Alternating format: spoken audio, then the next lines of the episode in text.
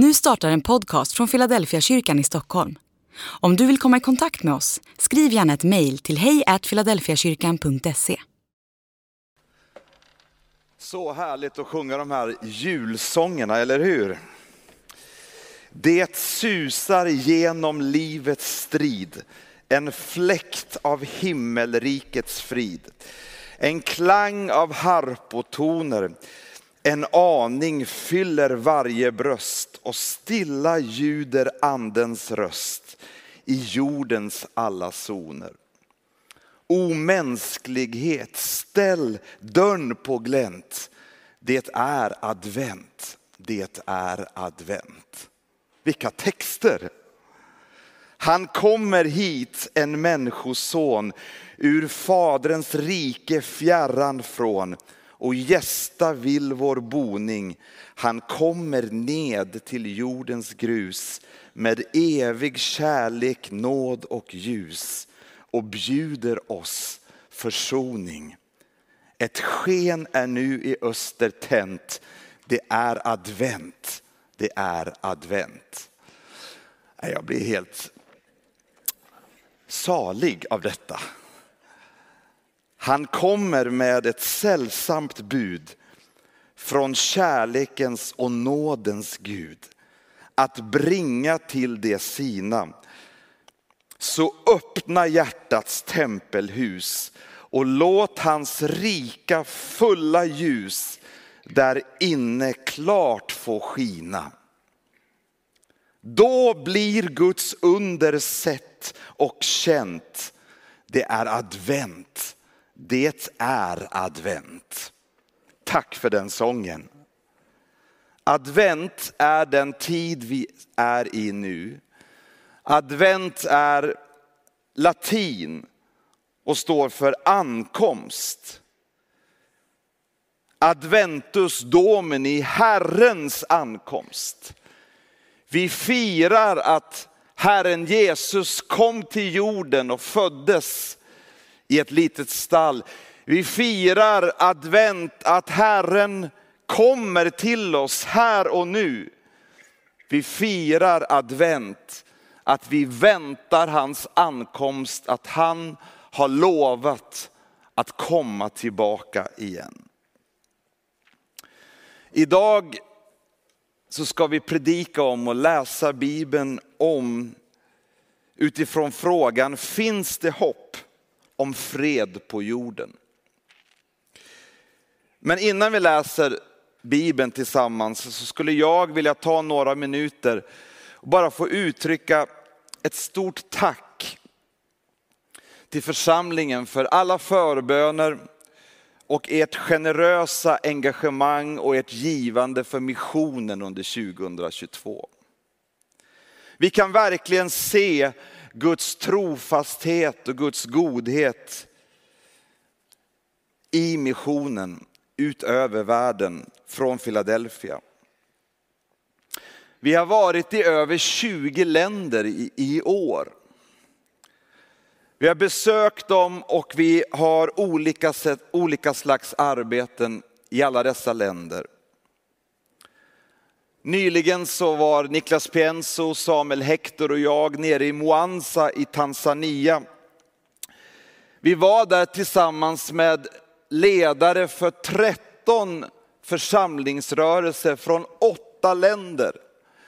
I centrala och östra Afrika, ifrån Etiopien, ifrån Sydsudan, ifrån Uganda, ifrån Kenya, ifrån Tanzania, ifrån Kongo, Rwanda och Burundi. Alla dessa länder och rörelser är ett resultat, inte länderna, men rörelserna i de länderna är ett resultat av svensk pingstmission och nordisk mission. Idag finns det över 25 miljoner medlemmar i de församlingsrörelserna. Vi behöver varandra och vi behöver våra relationer till våra afrikanska bröder och systrar.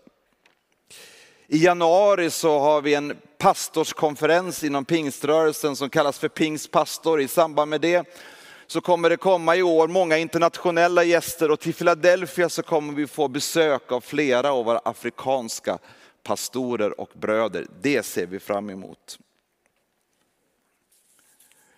I Tanzania så fortsätter vi att be för och stödja Bengt och Susanne Klingberg som är våra missionärer där. De är en del av det här nordiska samarbetet, HUB-initiativet, där vi arbetar i hela den regionen. Vi har ett speciellt fokus i Tanzania på Swahili-kusten. Vi har bett under så många år och nu ser vi en öppning för evangeliet och vi ser många människor komma till tro som tidigare aldrig har hört om Jesus.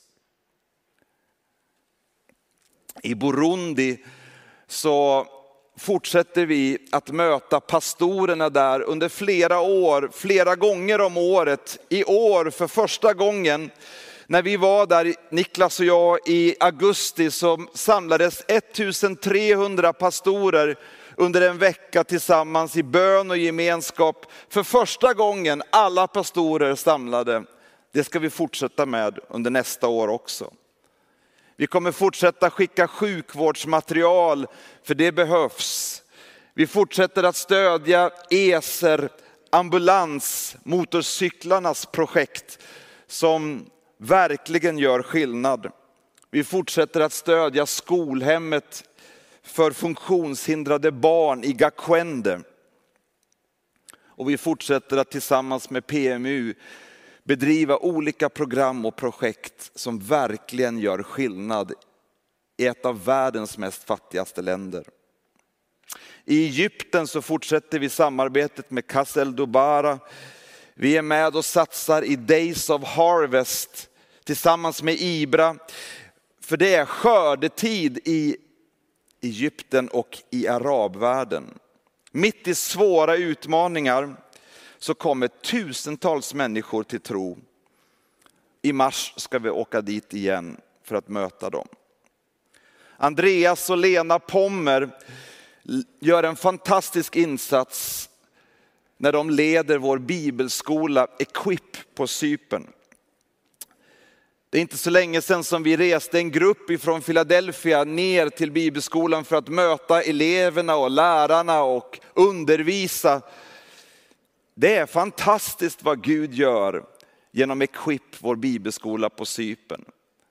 Det är vårt femte år som vi har bibelskolan och de första fyra åren så har 150 elever utexaminerats och nu har vi två kurser parallellt som pågår. Första året med fokus på Bibeln och andra året med fokus på mission och ledarskap. Vi tackar Gud för och fortsätter be för vår missionär Pelle Hörnmark som är vår Europamissionär. Under flera år så har han lett PEF, Pentecostal European Fellowship. Han är en pastor för pastorerna och en ledare för ledarna i Europa. Under året så har vi haft konferens i Balkan, i Montenegro, vi har varit i Albanien och Pelle har nyligen varit i Serbien i en historisk konferens där man får vara med och se försoning där det varit splittring tidigare. Pelle representerade oss när han var nere i Rumänien när rumänska pingströrelsen firar 100 år. I veckan samlades vi ett nätverk inom pingst för romer i Rumänien och i Europa. Vi har tillsammans, Pelle och jag, besökt Moldavien och Polen och Ukraina inte minst under året för att göra allt vi kan för att hjälpa människor på flykt undan krig och det som sker i Ukraina. Jag skulle bara vilja rikta ett speciellt tack för er generositet och ert engagemang för det vi gör för att hjälpa människor från och i Ukraina. Varje vecka så fortsätter vi samla och betjäna människor som har fått fly från Ukraina här i våra lokaler i Philadelphia. Och det är Linda Stenmark som gör ett fantastiskt arbete med att samla volontärer och skapa ett rum som är trygghet och värme och kärlek för våra vänner från Ukraina. I samarbete med CityServe från USA så har vi kunnat vara med och förmedla bland annat flera miljoner mål mat. vara med och förse med transportmedel, minibussar och lätta lastbilar för att kunna föra in förnödenheter, mat, medicin och hjälp, men också evakuera människor ut ur de värsta krigszonerna. De starkaste intrycken som jag har fått under året har varit i mötet med flyktingar från Ukraina, i Lublin i Polen, i Warszawa i Polen och sen också inne i Ukraina, i Lviv, i Lutsk, i Butja, i Kiev, i Odessa och på andra platser.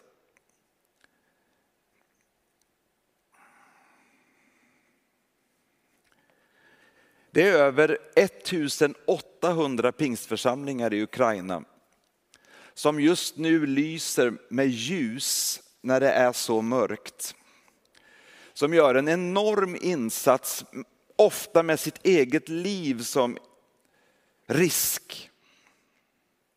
Man hjälper, man evakuerar, man räddar, man delar ut mat, man ordnar med boende, man ber och predikar frimodigt om Jesus, om syndernas förlåtelse, om frälsning och evigt liv. En av våra chaufförer i Kiev, han berättade för mig när jag satt i hans bil att just där du sitter Andreas,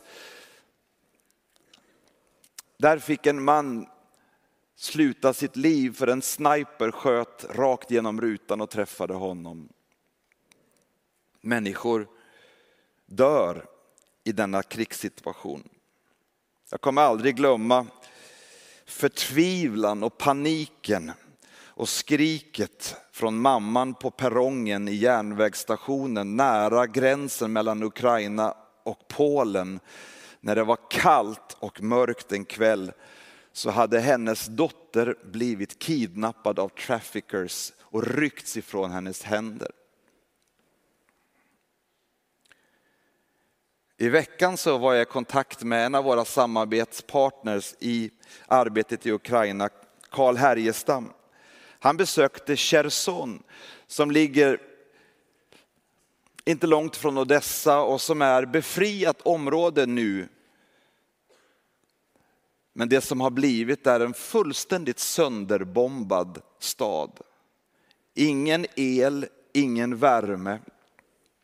Men vi har kunnat hjälpa med elgeneratorer till församlingen och varje kväll så öppnar kyrkan, Pingstkyrkan i Cherson sina lokaler och med hjälp av generatorn så kan man göra, ge värme och el så folk kan komma och ladda sina mobiltelefoner och värma sig en liten stund varje kväll. Hundratals människor kommer varje kväll. De får också höra evangelium om Jesus Kristus. Och det är väckelse i Ukraina när tusentals människor kommer till tro på Jesus mitt i krig och mörker. Karl berättade att han mötte pastor Alexander som är ansvarig för regionen runt Cherson. Hans son var också där och han hade precis blivit frigiven efter att ha varit kidnappad och torterad under flera månader. Det finns också berättelser om de som har fått ge sitt liv och blivit dödade. Många betalar ett högt pris. När jag var i Odessa senast så bad de mig undervisa på deras missionsskola. Mitt i krig så förberedde sig unga familjer att sändas ut till byar för att predika om Jesus och hjälpa människor i nöd. De bad mig tala på en pastorskonferens. Jag hade inte mycket att bidra med. Men gemenskapen, att få stå på knä tillsammans under en lång tid och gråta och be tillsammans inför Gud. Man ber om möjlighet att få predika om Jesus. Så att så många som möjligt ska få höra om Jesus. Man ber för Ryssland, man ber för fred och man ber att kärleken ska bli starkare än hatet. Vi har också kontakt med pastorer i Belarus och i Ryssland och även där är det många som har det mycket svårt. Ändå fortsätter man och samlas till gudstjänst. Vänner som jag har och som vi har kallas in till förhör. En del hotas, en del får böter. Andra får fly till Kazakstan, till Georgien, till andra platser om det är möjligt. Och de ber om våra förböner.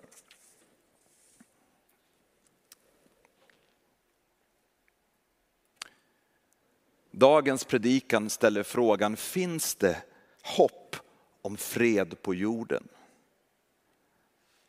Jag längtar efter ett slut på krig. Slut på bomber. Slut på död, slut på tortyr, slut på terror, slut på ondskan, slut på orättvisor, slut på korruption, slut på konflikter, slut på hot och hat, slut på våld, slut på krigsbrott, slut på avrättningar och mord. Finns det hopp om fred i Ukraina? Finns det hopp om fred mellan länder och folk som strider? Finns det hopp om slut på gängkrig och dödsskjutningar i Stockholm och Sverige? Finns det hopp om fred mellan släkter och familjer och människor som bara bråkar och inte når fram till varandra?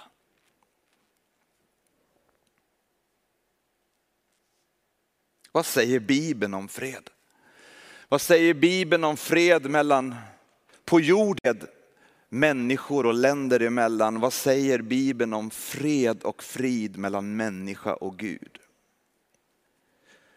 Cirka 700 år före Jesu födelse så profeterade Jesaja om Jesu ankomst och vi läser ifrån det nionde kapitlet i Jesaja och vers 6 och 7. Ty ett barn har fötts, en son är oss given. Väldet är lagt på hans axlar och detta är hans namn. Allvis härskare, gudomlig hjälte, evig fader, fredsfurste. Väldet skall bli stort, fredens välsignelser utan gräns. I den engelska NIV-översättningen kan man läsa For to us a child is born, to us a son is given, and the government will be on his shoulders, and he will be called Wonderful Counselor, Mighty God, Everlasting Father, Prince of Peace. Of the greatness of his government and peace there will be no end. Det är det julen handlar om att Jesus kom till jorden. Han som är allvis härskare, gudomlig hjälte, evig fader, fredsfursten, fridsfursten. När vi läser julevangeliet i Lukas evangeliet kan vi läsa om herdarna som låg ute på och vaktade sin jord om natten, då stod Herrens ängel framför dem och Herrens härlighet lyste omkring den och de greps av stor förfäran. Men ängeln sa till dem, var inte rädda för jag bär bud till er om en stor glädje, en glädje för hela folket. För idag har en frälsare fötts åt er i Davids stad. Han är Messias, Herren. Och detta är tecknet för er, ni ska finna ett nyfött barn som är lindat och ligger i en krubba. Och plötsligt, säger Lukas 2.14, plötsligt var där tillsammans med ängeln en stor himmelsk här som prisade Gud. Ära i höjden åt Gud och på jorden fred åt dem han har utvalt. Det är julens budskap. Fred på jorden. Jesaja profeterar också i andra kapitlet om Jesu fredsrike och hans ankomst. Jesaja 2 och 4. Han ska döma mellan folken, skipa rätt bland alla folkslag. De ska smida om sina svärd till plogbillar och sina spjut till vingårdsknivar. Folken ska inte lyfta svärd mot varandra och aldrig mer övas för krig. Jesus Kristus kommer tillbaka som fredsfursten. Då ska han göra slut på synden och döden och straffa djävulen. Han ska döma orätt och skipa rätt. Han ska torka alla tårar. Ingen sorg, ingen klagan och ingen smärta ska finnas mer. Väldet skall bli stort, fredens välsignelser utan gräns. I sista boken i Bibeln, Uppenbarelseboken, så kan vi läsa om detta när fredsfursten kommer med sitt rike. Kapitel 21 och vers 3. Se, Guds tält står bland människorna och han skall bo ibland dem och de ska vara hans folk och Gud skall vara hos dem och han ska torka alla tårar från deras ögon. För döden skall inte finnas mer och ingen sorg och ingen klagan och ingen smärta skall finnas mer. Ty det som en gång var är borta och han som satt på tronen sa, se, jag gör allting nytt. Det är vårt hopp. Det är vår tröst. Det är vad vi väntar på. Det är vad vi ser fram emot. Det är vår bekännelse och vi ber, kom Herre Jesus Kristus, fredsfursten, kom med ditt rike. Bibeln talar om fred på jorden när fredsfursten kommer. Bibeln talar också om fred emellan människor. I Efesierbrevet 2 och vers 14 och framåt, och jag vet att det är många bibelord idag och jag ber inte om ursäkt för det. Ty han är vår fred. Han har med sitt liv på jorden gjort de två lägren till ett och rivit skiljemuren, fiendskapen. Han har upphävt lagen med dess bud och stadgar för att i sin person skapa en enda människa. Av de två en ny människa och så stifta fred. I en enda kropp försonade han de båda med Gud genom korset då han i sin person dödade fiendeskapen. Han har kommit med budskap om fred för er som var långt borta och för er som var nära. Jesus är vår fred. Jesus har rivit skiljemuren, fiendeskapen oss emellan. I sin person har han skapat en ny människa och så stiftat fred. I en enda kropp försonade han människor och försonade människor med Gud. Genom korset, då han i sin person dödade fiendskapet. Han har kommit med budskap om fred. För er som var långt borta och för er som är nära.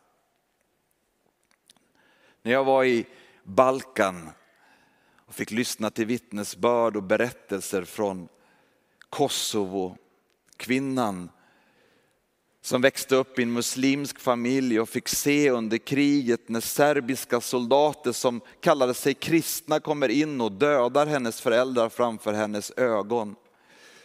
Och hur hon senare har fått möta Jesus och kan stå på denna konferens och berätta om när jag mötte Jesus så insåg jag att jag behövde förlåtelse. Och när Jesus har förlåtit mig så har han också gett mig kraft att förlåta dem som dödade mina föräldrar framför mina ögon. Och så står hon där inför nattvarden när vi firar nattvard. De från Kroatien och Serbien och Montenegro och Albanien och Serbien och Kroatien tillsammans. Ett folk, en människa, försonade Skiljemuren är bruten, fiendskapen är borta. Fred har kommit därför att Jesus har kommit. Jag har fått lyssna till många berättelser av människor i Afrika som har varit med om fruktansvärda händelser. Och hur Jesus har gett dem kraft att förlåta sina fiender. Det här kan bli väldigt närgånget ibland och ibland så kommer det rätt in i våra relationer, i våra familjer. Och vi kan inte förstå vad det är som gör att det blir en skiljemur. Vi som älskade varandra, helt plötsligt kan vi inte hålla relationen. Jag har upplevt det i min familj. Men jag har också fått uppleva att Jesus har kommit in i vår familj och rivit ner skiljemuren och tagit bort fiendskap. Och vi har fått uppleva försoning och frid och fred. Finns hopp för hopplösa relationer. Ingenting är omöjligt för Gud. Fredsfursten Jesus vill också komma för att stifta fred mellan människor.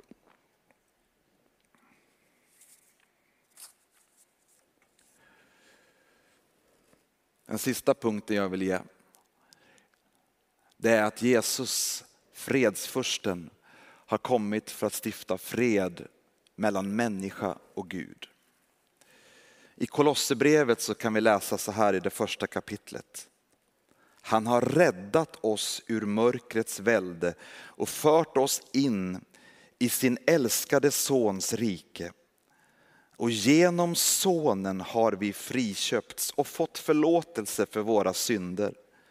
Han är den osynlige Gudens avbild, den förstfödde i hela skapelsen. Ty i honom skapades allt i himlen och på jorden, synligt och osynligt. Troner och herravälden, härskare och makter, allt är skapat genom honom och till honom. Han finns före allting och allting hålls samman i honom och han är huvudet för kroppen, för kyrkan. Han som är begynnelsen, förstfödd från de döda och till att överallt vara den främste. Ty Gud beslöt att låta all fullhet bo i honom och att genom hans blod på korset stifta fred och försona allt med sig genom honom och till honom allt på jorden och allt i himmelen. Och ni som stod utanför och visade ert fientliga sinnelag i era onda gärningar, också er har han nu försonat med sig genom att Kristus led döden med sin jordiska kropp. Genom hans blod på korset har han stiftat fred och försonat alla med sig och ni som förut stod utanför och visade ert fientliga sinnelag i era onda gärningar, också er har han nu försonat med sig genom att Jesus Kristus led döden på ett kors. Romarbrevet 5 säger i den tionde versen, ty om vi var Guds fiender och blev försonade med honom genom hans sons död, då skall vi, när vi nu är försonade, så mycket säkrare bli räddade genom hans sons liv. Jag har fått vara med så många gånger och se hur Jesus kommer som fredsfursten med försoning till människor som inte ens söker honom. Kommer aldrig glömma Alexander i Sankt Petersburg som jobbade på som chef på ett stort företag men började liksom känna att Gud sökte honom. Och det fanns en av våra medlemmar på hans jobb som hette Sergej och vi sa att Sergej berättade för Alexander att hör av dig när du är redo att omvända dig och ta emot Jesus. Det dröjde och vi bad för Alexander men en dag så ringer han och säger nu vill jag träffas. Jag behöver försonas med Gud. Jag glömmer aldrig Håkan i min klass i gymnasiet när han säger, jag orkar inte längre stå emot, jag bara måste ha det ni har. Jag ger upp, jag behöver Jesus. I andra Korinthierbrevet, det femte kapitlet och vers 19 och vers 20 så säger Bibeln så här som avslutning. Ty Gud försonade hela världen med sig genom Kristus. Han ställde inte människorna till svars för deras överträdelser och han anförtrodde mig budskapet om denna försoning. Jag är alltså Kristi sändebud och Gud manar er genom mig. Jag ber er på Kristi vägnar, låt försona er med Gud. Jesus kommer med fred till jorden. En dag så ska fredsfursten komma. Väldet ska bli stort och fredens välsignelse utan gräns. Jesus kommer med fred till våra relationer. Han har rivit skiljemuren och gör slut på fiendeskapen mellan oss. Och Jesus har genom sin död på korset och med sitt eget blod försonat oss med Gud. Vi behöver inte längre vara fiender till Gud. Han har förlåtit oss våra synder. Han erbjuder oss frälsning, frihet, frid och fred med Gud. Den helige ande överbevisar oss om vår synd och vårt behov av frälsning, förlåtelse, försoning, fred och frid med Gud. Vad ska man då göra? Bibeln säger omvänd dig, vänd dig till Gud. Tro på Herren Jesus. Låt dig döpas så skall du få förlåtelse för dina synder och den helige ande som gåva. Låt försona dig med Gud. Vi vill välkomna fredsfursten till jorden, in i våra relationer och in i vårt liv. Låt oss göra som adventsången säger. Öppna hjärtats tempelhus och låt hans rika fulla ljus där inne klart få skina. Nu ska vi sjunga lovsång. Och om du vill komma och ta emot förbön så är det nu öppet för det och tillfälle. Kanske du bara önskar ett möte med Gud eller att Guds fred och frid skulle få gripa in i ditt liv, i dina relationer. Eller kanske att du vill vända dig till Gud och be Jesus förlåta dig dina synder få uppleva försoning och fred och frid med Gud för första gången. Låt oss stå upp tillsammans, lovsjunga Gud och välkommen till förbön om du önskar.